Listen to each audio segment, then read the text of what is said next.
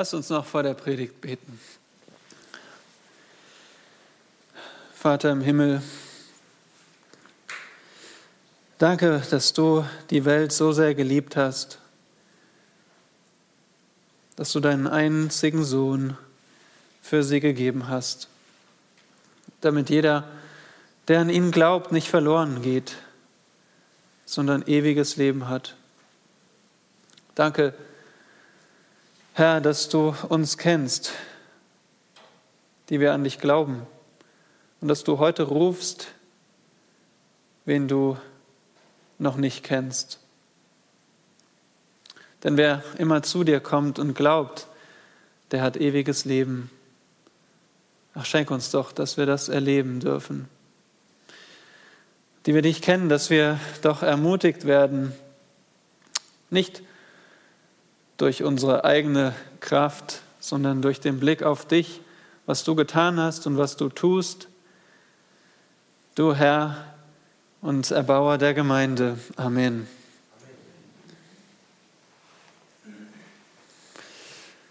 Original oder Kopie? Ja, ihr kennt das alle aus dem Leben. Es gibt zum einen das Original und dann gibt es viele Kopien, solche, die es nachmachen oder auf Neudeutsch Fake. Nun, manchmal ist es nicht so entscheidend, ob man jetzt einen originalen Canon-Akku in seiner Kamera hat, dann reicht auch eine Kopie. Das habe ich selbst schon ausprobiert. Aber man, manchen Dingen ist es doch sehr wichtig. Da wollt ihr das Original haben. Und ihr selbst könnt jetzt an etwas denken, was zu euch passt. Vielleicht das Original, weil es besser aussieht. Das Original, was den besseren Geschmack hat.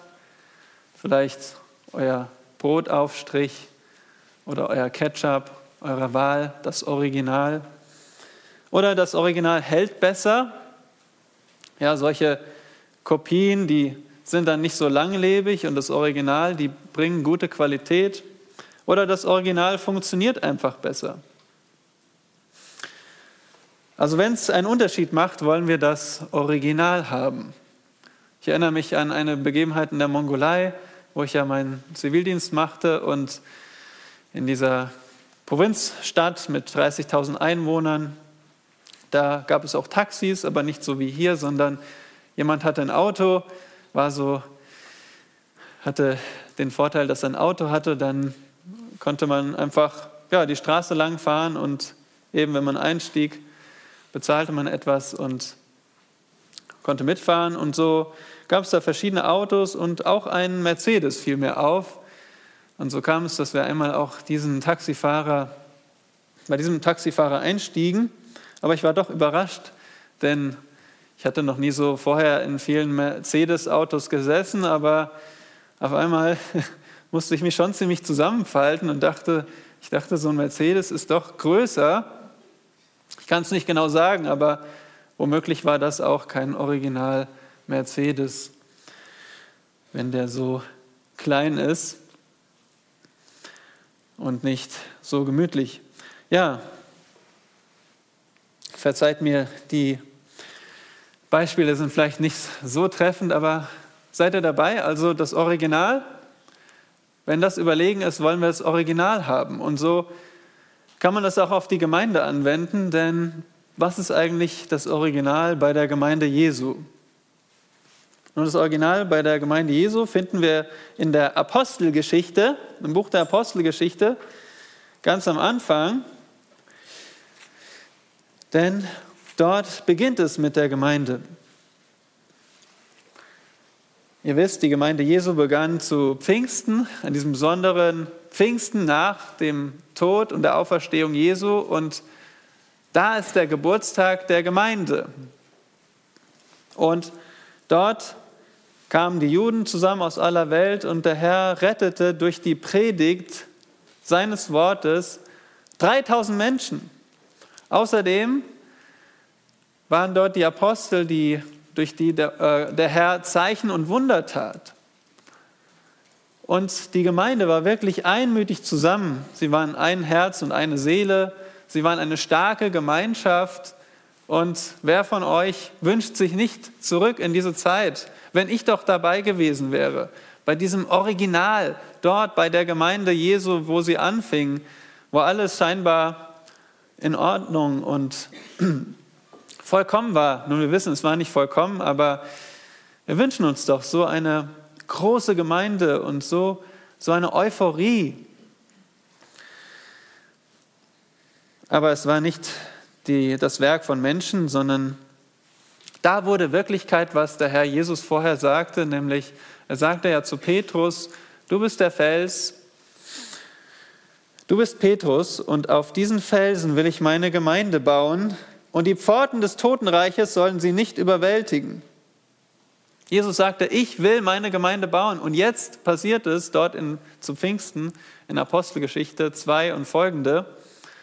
Und die Pforten des Totenreiches überwinden sie nicht. Die Pforten, Pforten ist, ist eine große Tür. Das heißt, die Gemeinde ist nicht die, die angegriffen wird, sondern die Gemeinde ist die, die angreift. Ja, die Gemeinde in Jerusalem, die ging nach vorne, die ging auf den Feind zu. Die hat sich nicht verbarrikadiert wie die Jünger in den Tagen, wo sie auf den Heiligen Geist warteten, sondern sie ging raus. Sie gingen zu den Menschen. Und alle Macht des Teufels konnten sie nicht aufhalten, sagt der Herr Jesus. Nun, die Gemeinde begann vor 2000 Jahren unter Juden. Es waren jüdische Menschen in Jerusalem. Und das ist das Original der Gemeinde Jesu. Wo sind wir? Wir sind zum einen 2000 Jahre entfernt, wir sind weit entfernt von Jerusalem und wir sind keine Juden. Vermute ich mal im Großteil. Das heißt, wir haben, sind doch anders. Wir sind von diesem Original entfernt. Denn wir sind Heiden in heidnischem Land, in einer heidnischen Stadt, in einem atheistischen Umfeld. Und ich möchte euch ein bisschen herausfordern jetzt mit der Frage, was macht dich sicher, dass der Herr in solchem Umfeld genauso Gemeinde baut?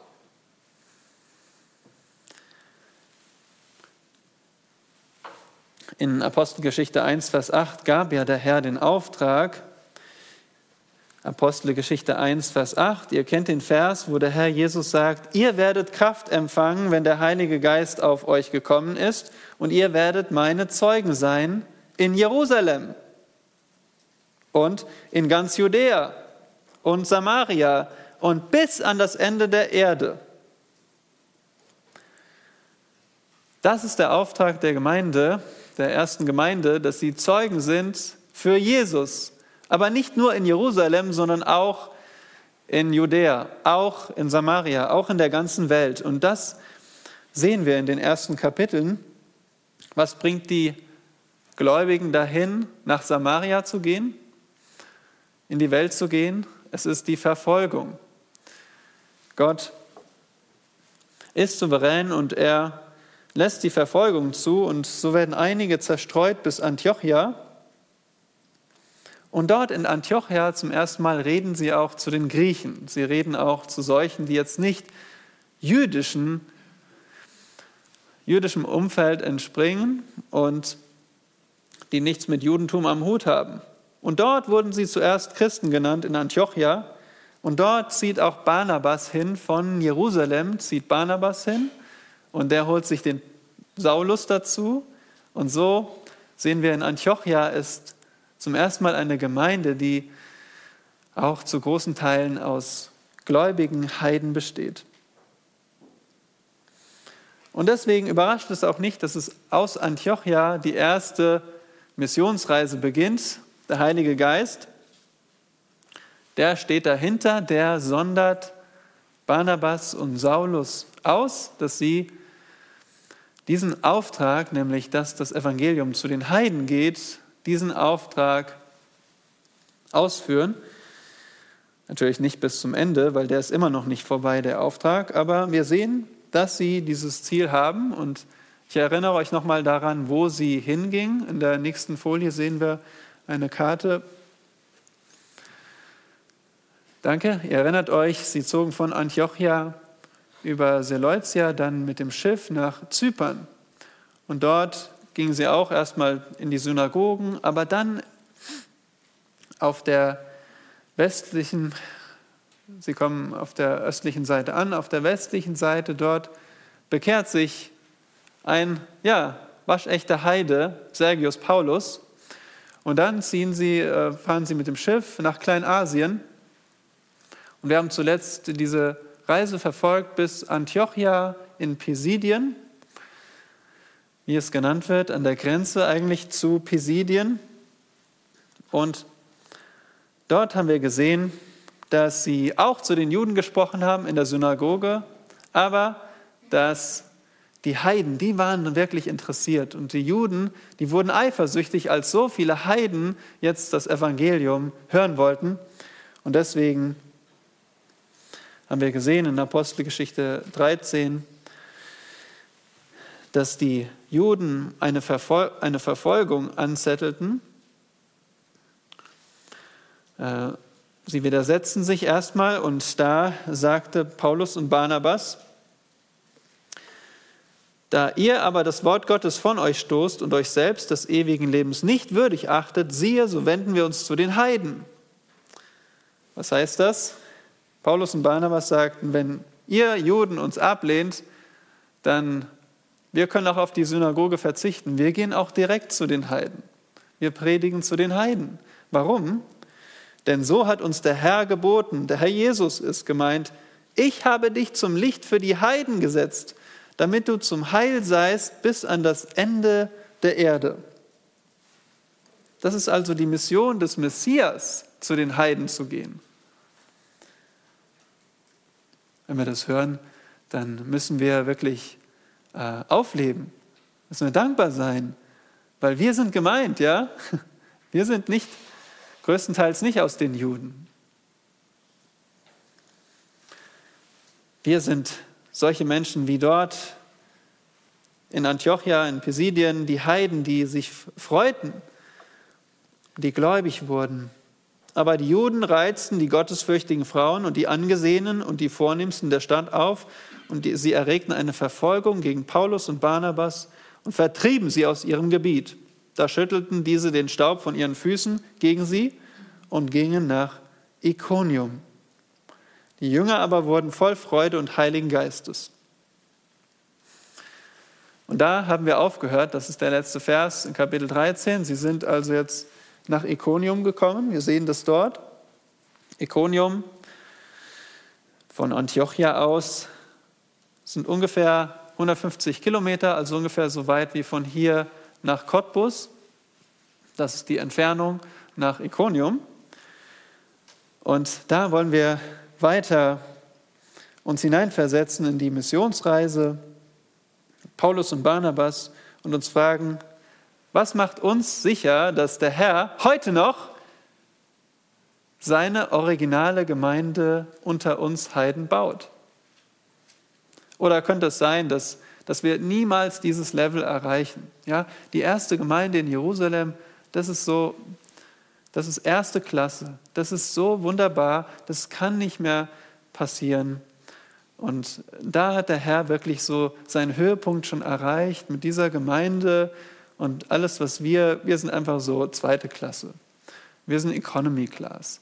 Ja, wir, bei uns passiert zwar auch was, aber das ist bei weitem nicht so toll wie bei der ersten Gemeinde. Nein, äh, ich möchte euch fragen, was macht uns sicher, dass wir auch heute noch originale Gemeinde Jesu sind, auch als Heiden, auch wenn keiner unter uns ist, der aus den Juden sich bekehrt hat, auch wenn wir 2000 Jahre später leben, auch wenn unsere Umgebung so gottlos ist. Ich bringe euch hier sieben bestärkende Beweise. Aber nicht ich, sondern das macht der Text, das macht Lukas, der Schreiber der Apostelgeschichte, durch den der Heilige Geist spricht. Sieben bestärkende Beweise. Mir geht es darum, ach Herr, bitte lass das gelingen, dass wir ermutigt werden, dass wir bestärkt werden dadurch. Dass wir nicht unsere Minen noch trauriger werden, sondern dass wir bestärkt werden, wenn wir Christus kennen. Den ersten Beweis finden wir in den Versen 1 bis 4. dieselbe Vollmacht. Dieselbe Vollmacht in Versen 1 bis 4. Und es geschah in Ikonium, dass sie miteinander in die Synagoge der Juden gingen und derart redeten, dass eine große Menge von Juden und Griechen gläubig wurde. Die Juden jedoch, die sich weigerten zu glauben, erregten und erbitterten die Gemüter der Heiden gegen die Brüder. Doch blieben sie längere Zeit dort und lehrten freimütig im Vertrauen auf den Herrn, der dem Wort seiner Gnade Zeugnis gab und Zeichen und Wunder durch ihre Hände geschehen ließ. Aber die Volksmenge der Stadt teilte sich und die einen hielten es mit den Juden, die anderen mit den Aposteln. Soweit der Text, den wir beobachten wollen. Und damit müssen wir in unsere Bibeln schauen. In Vers 1 sehen wir in Ikonium, da gingen sie miteinander in die Synagoge. Wer ist sie? Paulus und Barnabas. Die gingen miteinander wieder in die Synagoge. Haben wir nicht vorhin gelesen, dass sie jetzt sich zu den Heiden wenden? Ja, in Antiochia, da haben die Juden sie abgelehnt. Aber sie haben nicht die Juden aufgegeben. Sie sind jetzt in die nächste Stadt und gehen wieder in die Synagoge. Und da reden sie. Was denkt ihr, was sie geredet haben? Genau dieselbe Botschaft wie in Antiochia. Genau dieselbe Botschaft, dass Gott einen Plan hatte und dieser Plan hat die Erfüllung gefunden in seinem Sohn Jesus, als er auf die Erde kam und als er die Verheißung erfüllte, als er abgelehnt wurde von den Juden und von den Römern ans Kreuz genagelt wurde. Warum? Damit er stirbt an der Stelle von Juden und Heiden, Sündern, die sich nicht retten können, die sich nicht durch das Gesetz den Weg zu Gott erarbeiten können, die nur durch den Glauben an diesen Sohn Gottes, an den einzigen Retter Jesus gerettet werden. Und das nur, weil Jesus, nachdem er starb, am dritten Tag auferstand, so wie es das Alte Testament schon verheißen hat.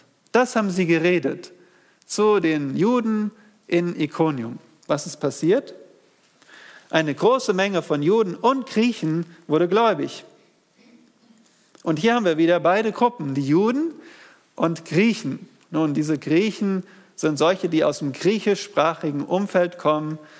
Vielleicht sind das Hellenisten. Ihr wisst noch, wer Hellenisten sind, oder? Das sind solche griechische, griechischsprachige Juden. Aber es könnten auch solche sein, die gar nichts mit gar keine Juden sind, sondern einfach nur interessiert sind und aus den Heiden kommen. Sie wurden gläubig und zwar eine große Menge. Aber dann gab es Juden, die sich weigerten zu glauben.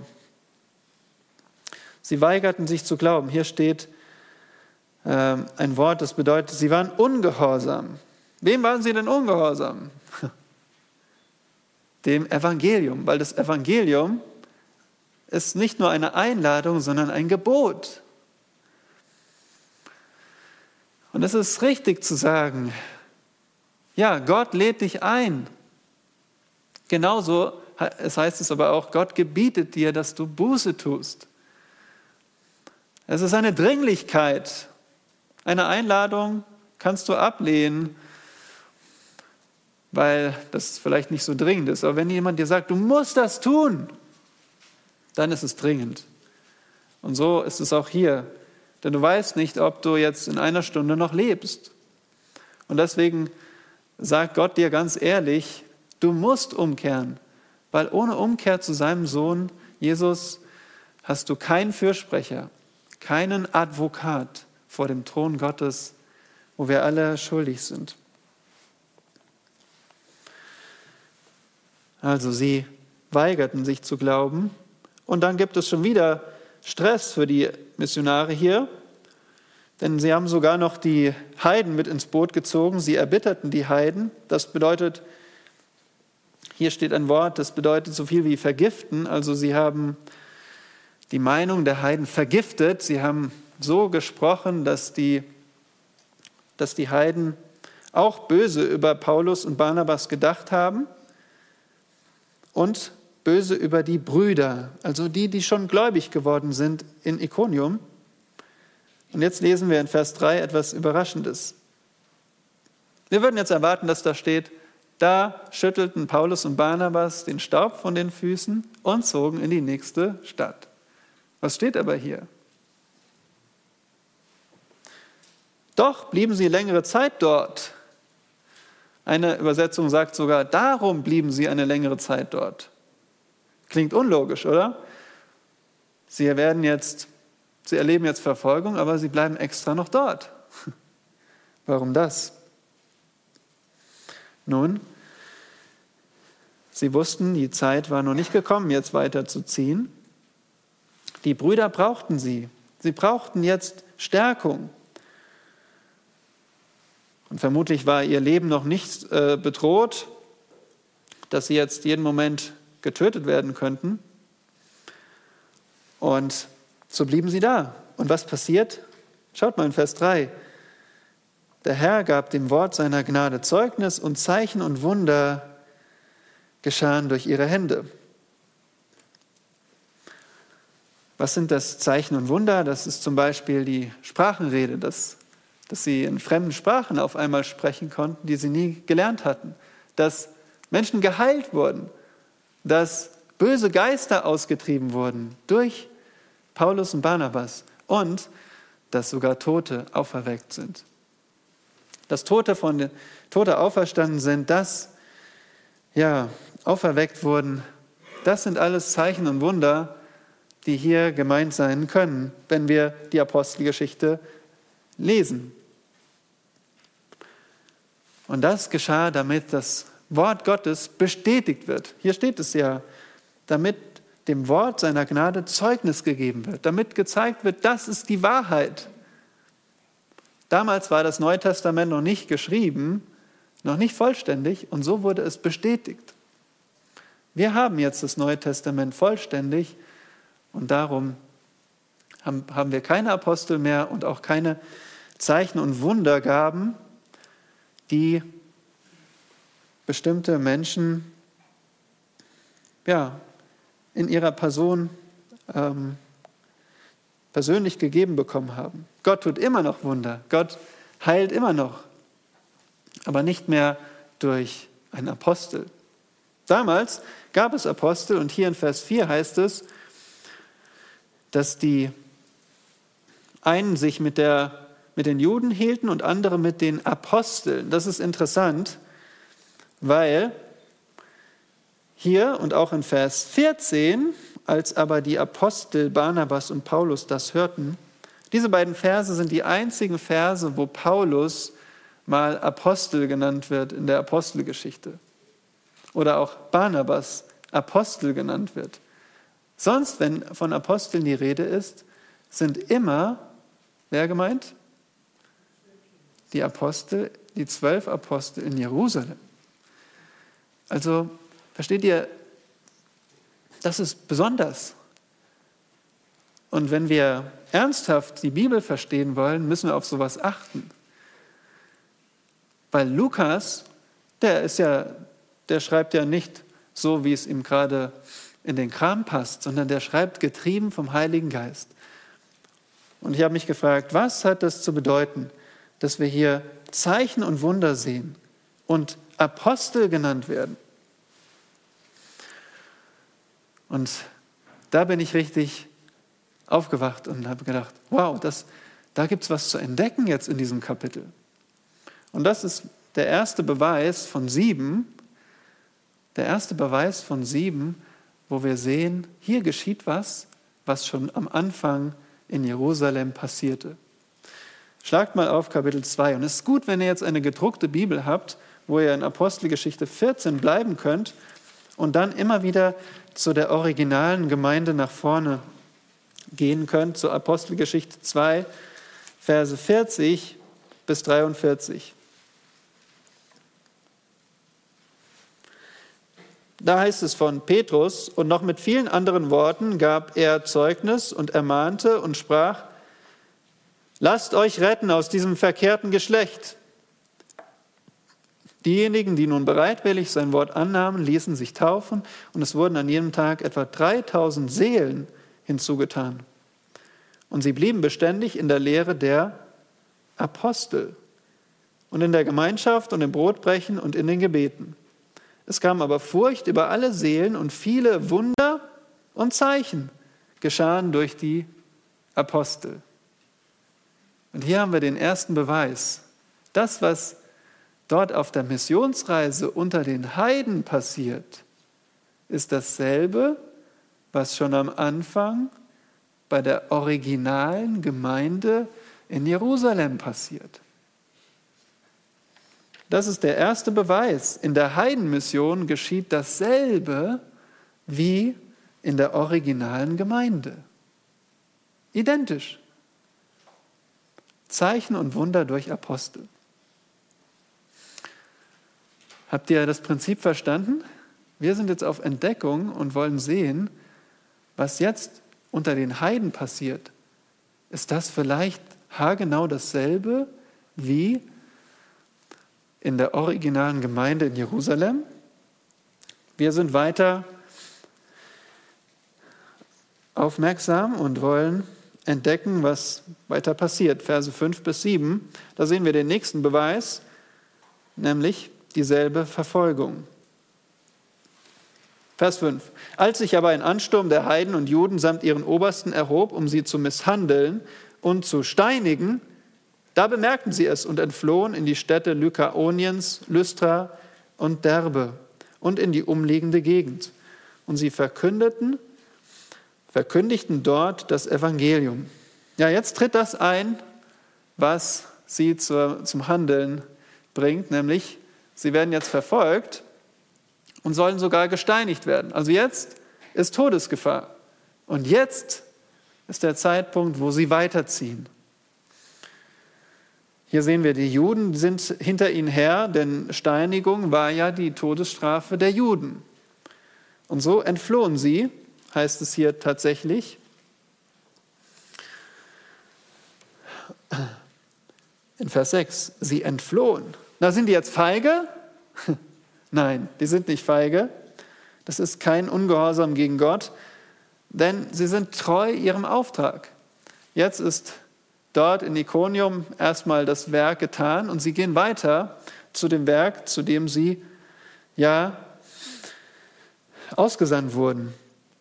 Und wo kommen sie hin? In die Städte Lykaoniens. Schauen wir mal auf die Karte, da sehen wir, wo sie jetzt hingingen nämlich in die Städte Lykaoniens. Hier sehen wir von Iconium in dieses hellblaue Gebiet Lykaonien. Das wird so genannt, weil es da eben so bestimmte Volksgruppen gab, die unter diesem Begriff passten. Die hatten auch eigene Sprache oder vielleicht eigene Sprachen. Und dazu gehören die Städte Lystra und Derbe und andere. Und sie sind jetzt nach Lystra gekommen. Ihr seht, der Pfeil ist kurz, die Strecke ist nicht weit, ungefähr 20 Kilometer, also so weit wie von hier nach Verneuchen. So weit sind sie gekommen, also gar nicht mal so weit, aber eine komplett andere Welt. Denn dort in Lystra gab es keine Synagoge. Da gab es nicht mal eine Synagoge. Die Menschen waren absolut heidnisch. Und das werden wir gleich entdecken.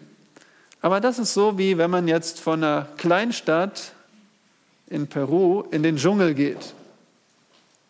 So ist das hier. Sie gehen in den Dschungel, da wo wirklich absolut dunkel ist. Da ist nicht mal eine Synagoge, wo Gottes Wort wenigstens noch vorgelesen wird ja, vielleicht heutzutage, wie wenn man in einen Ort kommt, da ist nicht mal eine Kirche oder vielleicht ist die Kirche schon lange tot, keine Leute kommen mal dahin, kommen da noch hin und die Bibel ist unbekannt. So ist das jetzt dort in Lystra. Vielleicht 3000 Einwohner habe ich in einem Buch gelesen, also kleine Stadt. Was machen sie dort? Sie verkündigten das Evangelium. Sie verkündigten das Evangelium. Sie sind verfolgt, entfliehen und verkündigen das Evangelium. Wo habt ihr das schon mal gelesen? Verfolgung Christen gehen weiter und verkündigen das Evangelium. Ja, in Kapitel 8 gehen wir mal zu Kapitel 8 zurück, Verse 1 bis 4.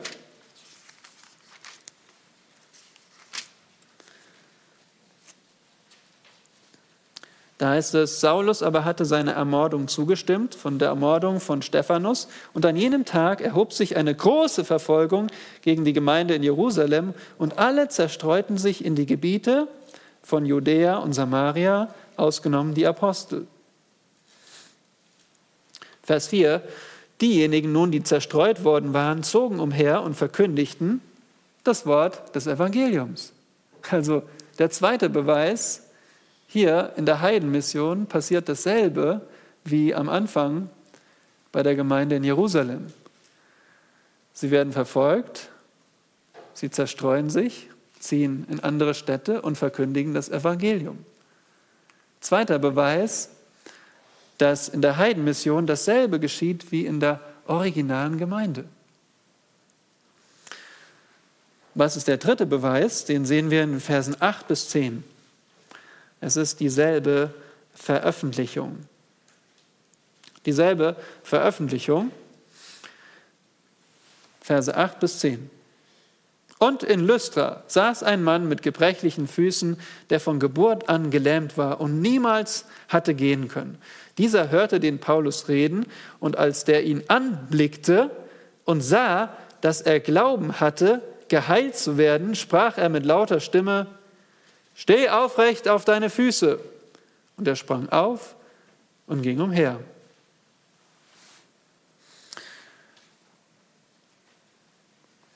Also in Lystra saß ein Mann, das müssen wir uns merken, der konnte nicht gehen und zwar von Geburt an. Von Geburt an. Schon seit er ein Baby war. Und dieser hörte den Paulus reden. Was hörte der wohl den Paulus reden? Hörte der, wie Paulus sagte, oh, ist schon wieder so ein Regenwetter heute, was machen wir denn da? Nein, was hat Paulus wohl geredet? Das Evangelium. Er hat vom Evangelium geredet. Dazu sind sie doch nach Lystra gekommen. Also der Mann, der hat die Verkündigung gehört. Und der hat da nicht seine Ohren zugemacht, sondern der hat zugehört. Und der war davon ergriffen. Und dann heißt es, dass der ihn anblickte. Paulus blickte diesen Mann an, die hatten Augenkontakt und Paulus sah, dieser Mann, der hat nicht abgeschaltet, sondern der hört zu, der hat Glauben. Wie Paulus sowas sehen konnte, ja, das ist die Zeit der Apostel. Ähm, nicht jeder von uns hat diese Gabe, so ins Herz zu blicken, sozusagen. Aber es ist doch ähm, eindeutig ein Wunder, denn Paulus spricht mit der Autorität des Herrn und der Mensch, der Mann sprang auf. Eindeutig ein Wunder. Ja? Der konnte nicht gehen. Paulus sagt, steh auf und er kann gehen. Der Herr hat ein Wunder getan. Und das vor allen Leuten. Weil in dem nächsten Vers heißt es, als aber die Volksmenge sah, was Paulus getan hatte, also das war öffentlich. Wo haben wir schon mal gelesen, dass da ein lahmer Mann von Geburt an lahm war? Einer der Apostel hat ihn angeblickt und er wurde geheilt. Und das öffentlich. Kapitel 3. Also Finger rein und zurück zu Kapitel 3. denke, ich werde nicht alle Verse jetzt lesen, denn ihr kennt die Geschichte. Petrus und Johannes gingen aber miteinander in den Tempel hinauf um die neunte Stunde. Wann ist die neunte Stunde? Neun Uhr morgens? Falsch, 15 Uhr. Die neunte Stunde ist 15 Uhr. Und so ähm, ist das eine Zeit, wo jeder das mitbekommt. Das war eine Zeit, wo man eben zum Gebet ging. Da waren viele Leute. Und es wurde ein Mann herbeigebracht, der lahm war von Mutterleib an, den man täglich an die Pforte des Tempels hinsetzte, die man die Schöne nennt.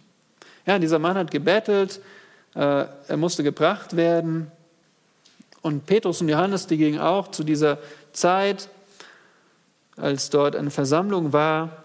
Und Vers 4 heißt es, da blickte ihn Petrus zusammen mit Johannes an und sprach, sieh uns an. Der denkt, jetzt gibt es was äh, für den Klingelbeutel, aber äh, Petrus sagt, im Namen Jesu Christi des Nazareners, steh auf und geh umher. Vers 8, und er sprang auf und konnte stehen, lief umher und trat mit ihnen in den Tempel, ging umher und sprang und lobte Gott. So wird es betont, dass er sprang und lief und Gott lobte. Das ist doch interessant, oder? Hier passiert genau dasselbe in Lystra, was in der originalen Gemeinde passiert. Nämlich ein öffentliches Wunder. Öffentlich.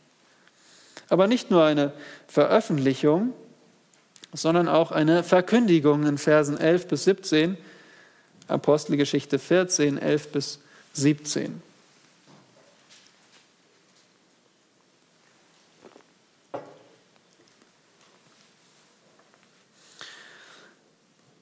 Also wir sind zurück in Lystra bei diesem Wunder durch Paulus Stimme.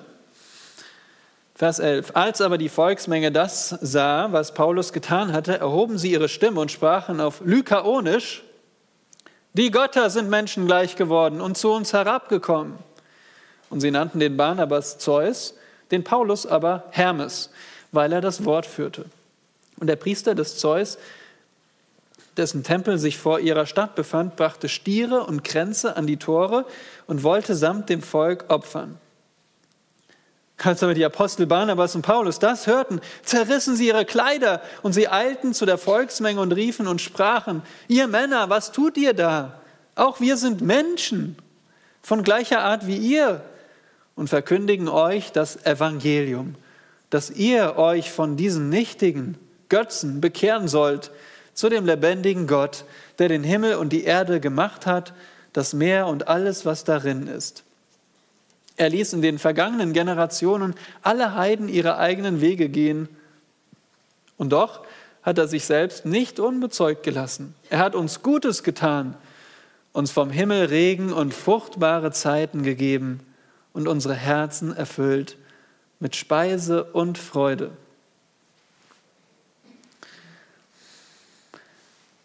Hier sehen wir in Lystra, das war wirklich heidnisch bis auf die Knochen.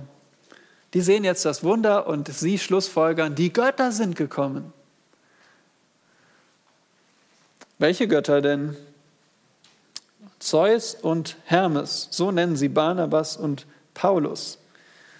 Ja, und das waren diese Götter, diese griechischen Götter. Ihr wisst ja, wie Alexander der Große griechische Sprache und Religion verbreitet hat, auch in Kleinasien. Und, und so waren sie von Natur aus Götzendiener und nannten jetzt ihre Götter Zeus und Hermes und sagen, die Götter sind herabgekommen.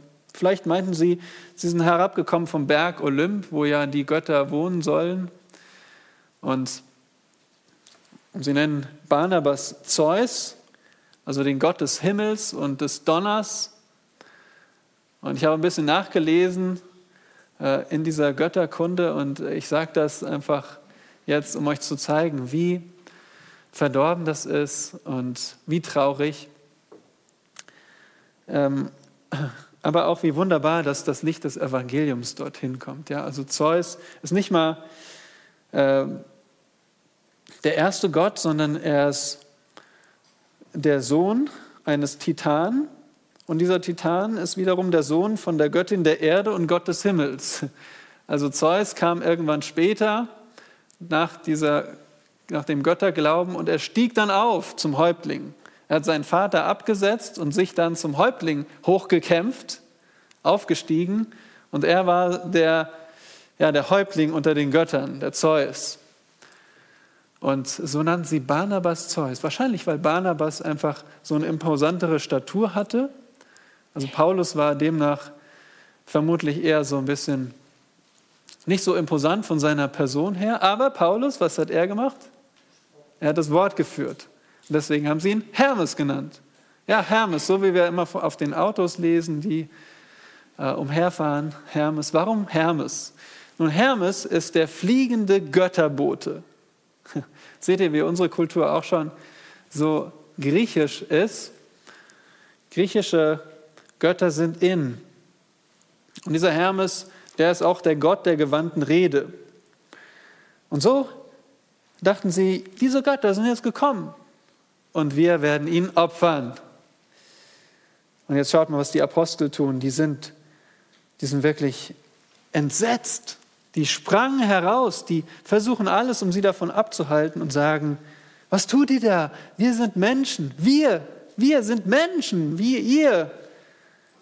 Aber wir sind nicht nur irgendwelche Menschen, sondern wir sind Verkündiger. Wir verkündigen euch hier eine Botschaft, nämlich die Botschaft von dem einzigen, dem lebendigen Gott. Schaut mal, wie sie Gott beschreiben. In Vers 15, der Gott, der den Himmel und die Erde gemacht hat, das Meer und alles, was darin ist. Allein hier hatten sie schon in Lystra den Gott Zeus über den Himmel, dann Gaia, die Göttin der Erde,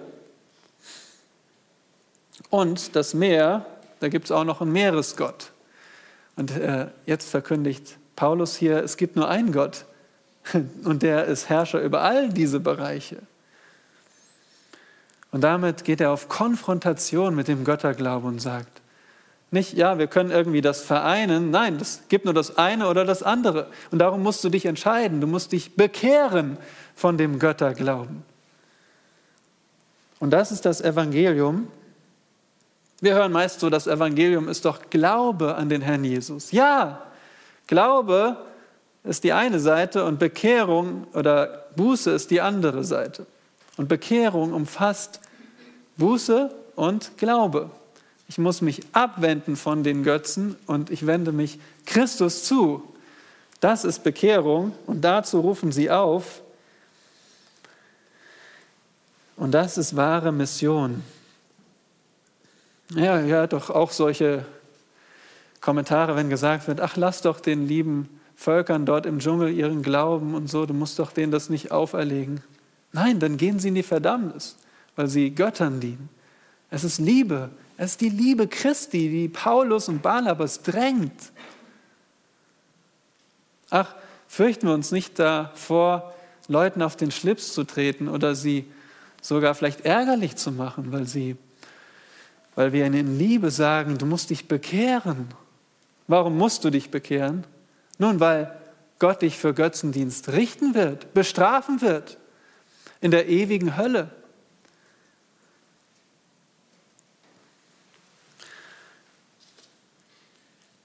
Schaut einmal, wie geduldig Gott ist.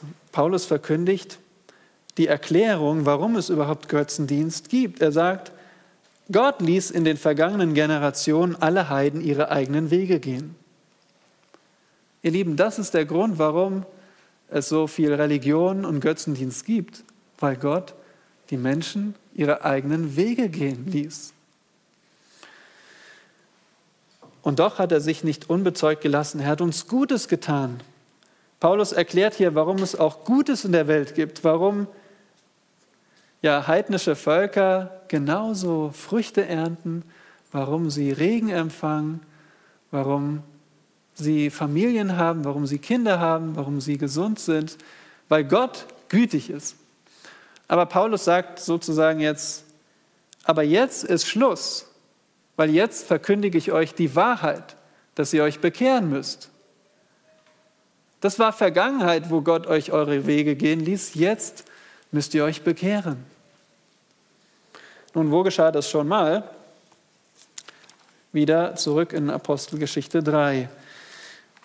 Dort haben wir dieselbe, und ich sage immer dieselbe, natürlich war es nicht haargenau dieselbe Begebenheit, aber eins, eine, ein Wunder von der gleichen Art. Ein Lama wird geheilt und dann verkündigt Petrus dem Volk, das aufmerksam geworden ist, das Evangelium. Und ich zitiere jetzt nur einen Vers. In Vers 19 sagt er, Kapitel 3, So tut nun Buße und bekehrt euch, dass eure Sünden ausgetilgt werden, damit Zeiten der Erquickung vom Angesicht des Herrn kommen. Seht ihr? Petrus hat die Gelegenheit genutzt zu predigen, bekehrt euch nach diesem Wunder. Paulus nutzt die Gelegenheit nach dem Wunder und predigt, bekehrt euch.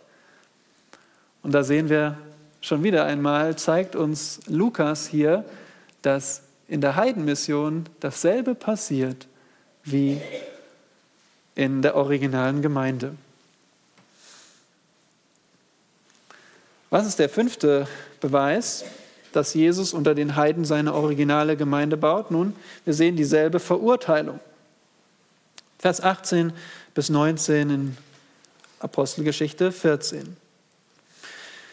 Obgleich sie dies sagten, konnten sie die Menge kaum davon abbringen, ihn zu opfern. Es kamen aber aus Antiochia und Iconium Juden herbei, die überredeten die Volksmenge und steinigten Paulus und schleiften ihn vor die Stadt hinaus, in der Meinung, er sei gestorben. Das ist so unfassbar. Wir haben hier so einen Kontrast wie schwarz und weiß. Auf der einen Seite können sie sie kaum abbringen zu Opfern. Ja? Also Paulus erklärt, wir sind nur Menschen, wir sind Verkündiger von dem einzig wahren Gott. Also er spricht ihren Verstand an, aber die sind gar nicht mehr auf den Verstand anzusprechen. Die sind in Leidenschaft, in einer Lust. Wir wollen opfern, egal was man ihnen sagt. Aber dann kommen Juden herbei aus den vorherigen Städten, Antiochia und Iconium, und die überreden jetzt die Volksmenge und auf einmal stimmen die zu, Paulus und Barnabas oder Paulus hier zu steinigen. Das ist doch völlig unfassbar, völlig irrational. Aber es geschieht. Paulus wird gesteinigt. Äh, vermutlich hat Barnabas sich noch in Sicherheit bringen können. Wir wissen es nicht, warum nur Paulus gesteinigt wurde. Aber Paulus wird gesteinigt. Das war die, die Todesstrafe der Juden. Und nicht mal, sie warten nicht mal, bis sie ihn aus der Stadt bekommen. Sie steinigen ihn in der Stadt und schleifen ihn vor die Stadt hinaus. Und ihr Lieben, an dieser Stelle scheint der ganze Plan vorbei. Wisst ihr noch, Paulus war nicht einer von vielen, sondern er war der eine, das auserwählte Werkzeug, der eine, der das Evangelium zu den Heiden bringen sollte an dem auch wir hängen, dass das Evangelium zu den Heiden kommt und dass Juden und Heiden vereint werden in der Gemeinde. Scheint alles vorbei, aber hier steht, sie schleiften ihn vor die Stadt hinaus in der Meinung, er sei gestorben. Das war ihre Meinung, beziehungsweise das war noch nicht das Ende. Und auch hier sehen wir, wiederum ein Beweis, dass hier in der Heidenmission dasselbe passiert wie in der originalen Gemeinde. Denn wer wurde in der Gemeinde in Jerusalem gesteinigt? Also nicht von der Gemeinde, sondern einer aus dieser Gemeinde. Stephanus. Stephanus und da er ist wirklich gestorben, wirklich heimgegangen zum Herrn. Und ihr könnt es nachlesen später in Kapitel 7. Den Vers dazu findet ihr auf der Rückseite vom Gemeindeblatt. Wir gehen jetzt, wir wollen wissen, was mit Paulus passiert ist. Vers 20 geht es weiter. Doch als ihn die Jünger umringten, stand er auf und ging in die Stadt. Und am folgenden Tag zog er mit Barnabas fort nach Derbe. Also Paulus ist doch nicht tot. Ist Paulus auferstanden? Ich würde sagen, nein, denn hier steht, sie schleiften ihn vor die Stadt in der Meinung, er sei gestorben. Also er war gar nicht tot. Aber dennoch braucht es hier Gottes Kraft, einen, den man gerade gesteinigt hat, wieder auf die Beine zu bringen. Das ist Gottes Kraft, Gottes Gnade. Die Jünger denken womöglich, sie müssen ihn jetzt beerdigen, sie trauern und auf einmal steht er auf und er geht in die Stadt und am nächsten Tag zieht er fort. Daran sehen wir, Paulus ist zum einen Nicht in Panik, dass er sofort wegläuft. Er geht zurück in die Stadt, wo sie ihn gesteinigt haben. Aber zweitens ist er auch nicht jemand, der sich selbst präsentiert und sagt, er hätte doch jetzt sagen können, hier Leute, hört mal zu, auf dem Marktplatz, ich bin's noch, ihr habt mich nicht tot bekommen, haha. Nein, Paulus zieht fort zur nächsten Stadt, weil ihm geht es nicht um seine Person, ihm geht es nicht darum, eine Show abzuziehen, sondern das Evangelium in die Städte zu bringen. Und so übernachtet er noch eine Nacht und zieht fort nach Derbe. Auf der Karte sehen wir, wo sie jetzt weiterging, nämlich ähm, wir sehen in diesem Beweis dieselbe Vereinigung. Da kommen wir noch zu. Aber hier seht ihr den Weg nach Derbe, also etwas weiter als nach Lystra. Nach Derbe waren es dann nochmal 60 Kilometer, ungefähr so weit wie von hier nach Joachimsthal. Und so zogen sie weiter, um auch dort das Evangelium zu verkünden. Und was geschieht in Vers 21? Und nachdem sie in dieser Stadt das Evangelium verkündigt und eine schöne Zahl Jünger gewonnen hatten, kehrten sie wieder nach Lystra und Iconium und Antiochia zurück. Dabei stärkten sie die Seelen der Jünger und ermahnten sie, unbeirrt im Glauben zu bleiben und sagten ihnen, dass wir durch viele Bedrängnisse in das Reich Gottes eingehen müssen. Also auch in Derbe, dort bekehren sich Menschen, Jünger werden gewonnen. Und jetzt kommt ein absoluter Knaller, denn hier steht, sie kehrten wieder zurück nach Lystra. Schaut mal auf dieser Karte, seht ihr Sie sind in Derbe, sie sind schon auf dem Weg eigentlich, wohin? Nach Tarsus. In die Heimat von Paulus. Hätte Paulus doch mal wieder nach Hause ziehen können nach den Strapazen. Und von Tarsus ist es auch nicht mehr so weit nach Antiochia. Ja, wäre das nicht eine schöne Gelegenheit, mal zu sagen, okay, ich habe jetzt schon genug erlebt, äh, bin gesteinigt worden, jetzt machen wir mal Ruhe und Erholung und Pause meine Familie besuchen, meine Gemeinde besuchen, erstmal wieder auftanken. Was macht Paulus? Zurück. Warum geht er zurück? Nach Lystra, nach Iconium, nach Antiochia. Weil Paulus nicht für sich gelebt hat, sondern für Christus. Und es gab noch etwas zu tun in der Gemeinde. Er wollte nachsehen, wie es den Gemeinden geht, beziehungsweise den Jüngern, denn es sind noch nicht Gemeinden, bis nicht Älteste eingesetzt sind. Und zu einer Gemeinde gehören Älteste und auch Diakone. Und hier sehen wir, genau das tun sie.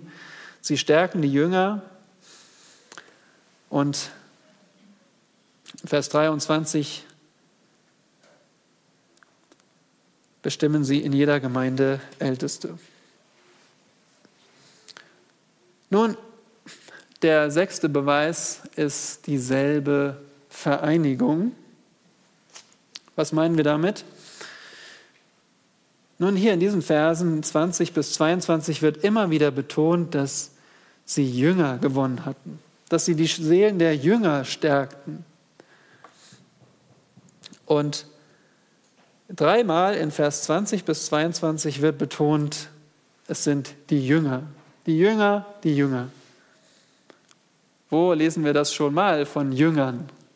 Nun auch wieder in der Gemeinde von Jerusalem, in Apostelgeschichte 6. Da finden wir auch drei Verse, wo betont wird, das sind Jünger. In Apostelgeschichte 6, Vers 1 heißt es, in jenen Tagen aber als die Zahl der Jünger wuchs. Vers 2, da beriefen die Zwölf die Menge der Jünger zusammen. Und Vers 7, und das Wort Gottes breitete sich aus und die Zahl der Jünger mehrte sich sehr. Hier sehen wir in der Apostelgeschichte 6, in der Gemeinde in Jerusalem, diese Gemeinde war vereint und sehr auch bedacht auf ihre Einheit, weil sie sich alle als Jünger des Herrn verstanden. Nicht als okay, diese Gruppe der Hellenisten, die Gruppe der Hebraisten. Nein, das, wir sind alle Jünger des Herrn. Und so sehen wir es auch hier in der Missionsreise. Und deswegen haben auch Paulus und Barnabas nach ihnen geschaut, weil sie Jünger des Herrn waren.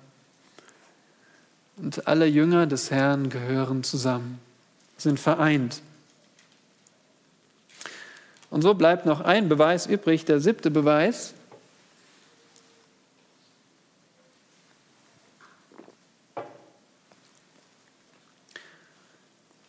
Und das ist dieselbe Verantwortung. Verse 23 bis 28 in Kapitel 14. Nachdem sie ihnen aber in jeder Gemeinde Älteste bestimmt hatten, befahlen sie sie unter Gebet und Fasten dem Herrn an, an den sie gläubig geworden waren. Und sie durchzogen Pisidien und kamen nach Pamphylien. Und nachdem sie in Perge das Wort verkündigt hatten, zogen sie hinab nach Atalia.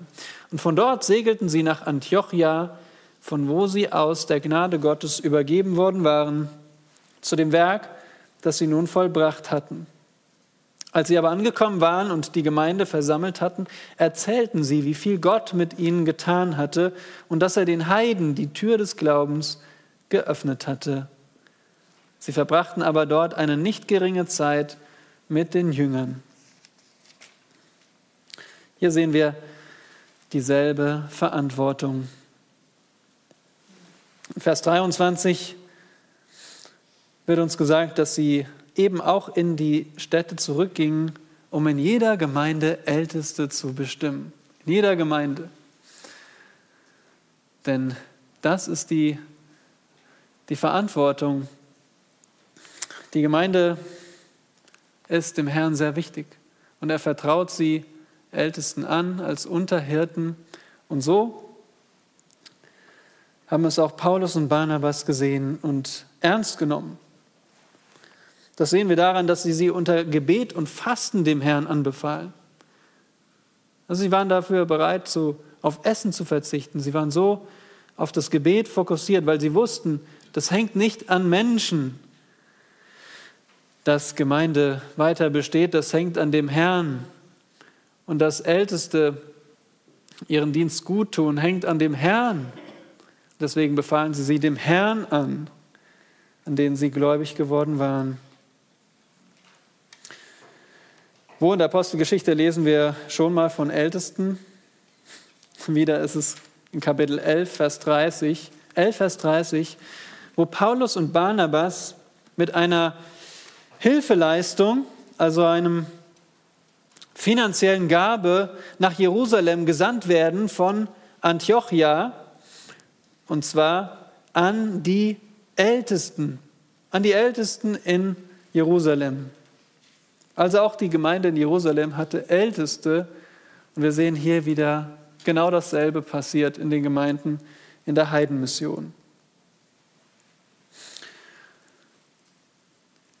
Schauen wir uns nochmal die Reiseroute an, damit wir das auch vor Augen haben. In der nächsten Folie sehen wir, wie sie also denselben Weg zurücknahmen und dann wieder an die Küste kamen. Unweit der Küste hier ist die Stadt Perge, also ist es noch nicht direkt an der Küste. Und dort haben sie vorher nur Station gemacht, wo Johannes Markus sie verließ, leider.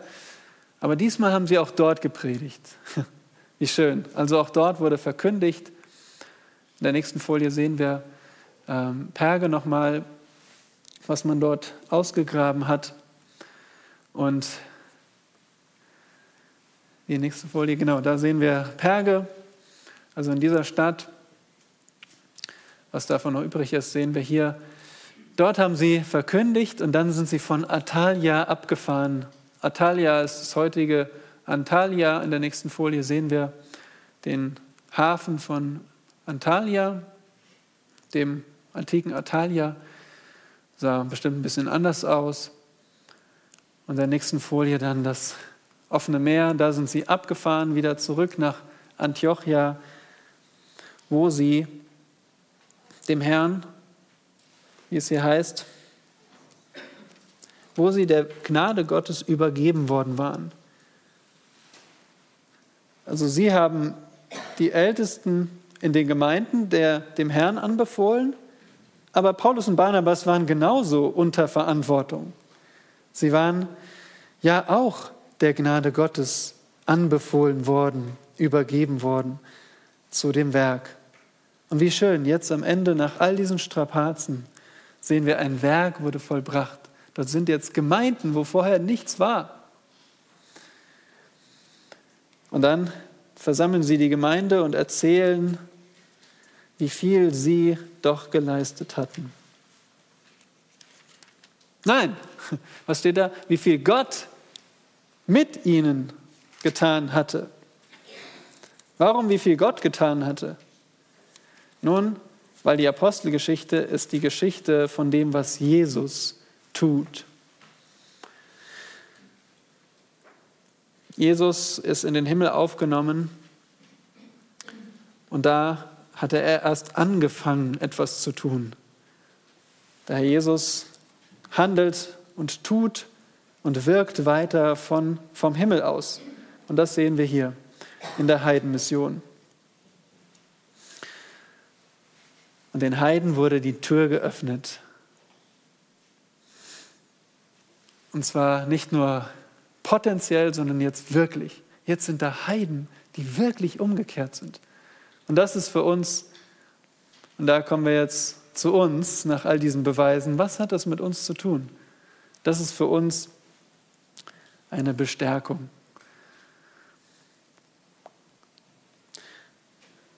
Macht euch bewusst, wir waren ohne Gott, wir waren ohne Hoffnung. Aber jetzt sind wir durch Christus nahegekommen, ganz nah zu Gott, vereint mit ihm. Und das Evangelium, das brauchten wir und das musste zu uns Heiden kommen. Und hier sehen wir, dass Gott es zu den Heiden geschickt hat. Und nun ist die Frage an dich, bist du gerade gestärkt? Ja, hörst du auf diese, diesen Bericht und denkst, ja, das, genau so fühle ich mich auch. Ich bin gestärkt, weil der Herr auch unter uns Gemeinde baut, auch hier in gottloser Gesellschaft.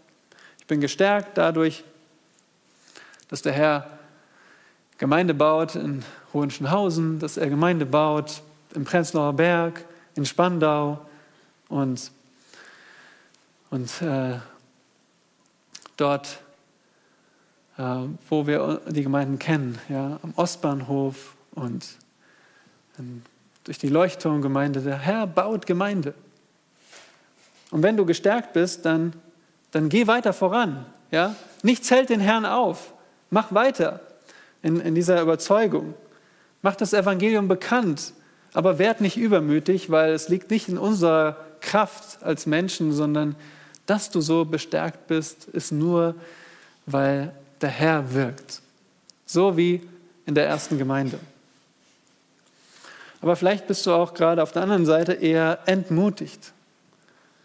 Ja, du hörst bestärkende Beweise, aber für dich ist gerade gar keine Bestärkung da, gar keine Ermutigung. Du siehst dich eher entmutigt dann lass dich aufrichten.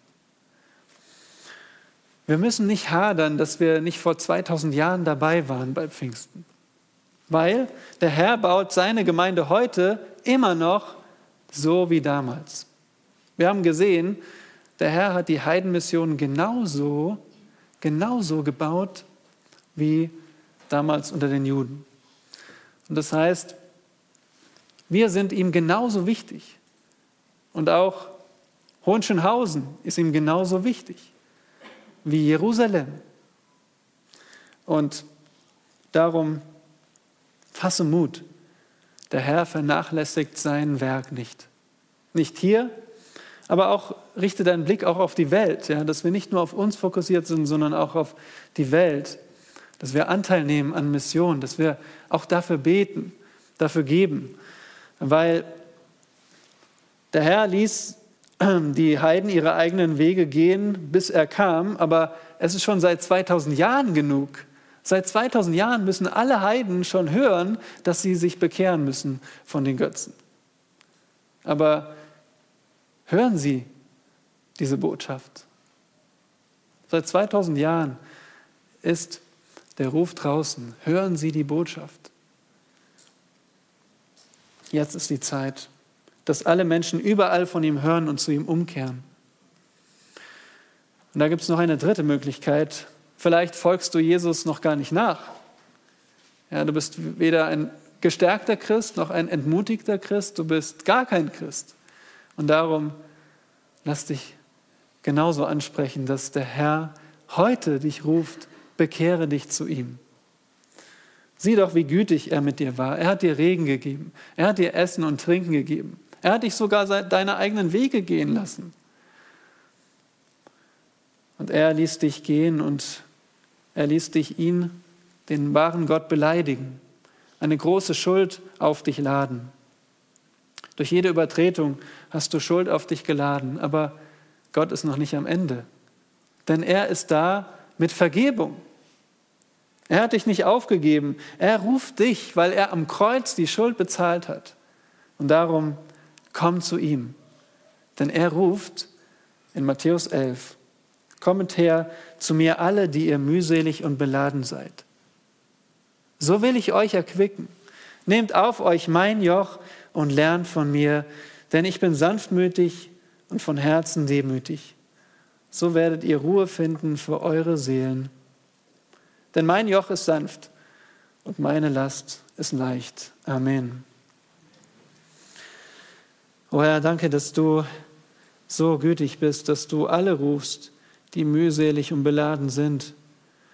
Denn du kennst unsere Last, du weißt um alle unsere Sünden. Sie sind immer vor deinen Augen. Aber trotzdem rufst du zu dir. Wir sehen unsere Schuld gar nicht, wie groß sie ist, aber du siehst sie und trotzdem rufst du, komm her, weil du schon dafür eine Lösung hast, weil du selbst ans Kreuz gingst, um Schuld zu bezahlen. Für jeden, der kommt, ist genug Vergebung da. Und ich danke dir dafür und danke dir, dass du das auch in Bezug auf die Heiden rufst auf die Heiden unter uns oder in unserer Umgebung, aber auch in der entfernten Welt. Ach Herr, bestärke uns doch, wo wir entmutigt sind, dass wir neuen Mut fassen, dass du Gemeinde baust und dass wir auch dankbar sind für das, was du tust. Ich danke dir für meine Geschwister, danke dir für die Gemeinde hier vor Ort, für die ECG Wartenberg, für die Bibelgemeinde, die wir sein dürfen und dass du Gemeinde baust. Nicht unbedingt auf dieselbe öffentlich spektakuläre Weise wie damals mit Wundern und Zeichen, aber durch Wunder, die nicht weniger gewaltig sind, dass du Menschenherzen bekehrst. Ach, schenk uns doch, dass wir das noch mehr erleben, dass, dass unsere Kinder dass unsere Nachbarn, Kollegen, dass sie umkehren zu dir. Aber stärke uns, dass wir dein Evangelium freimütig verkünden. Amen.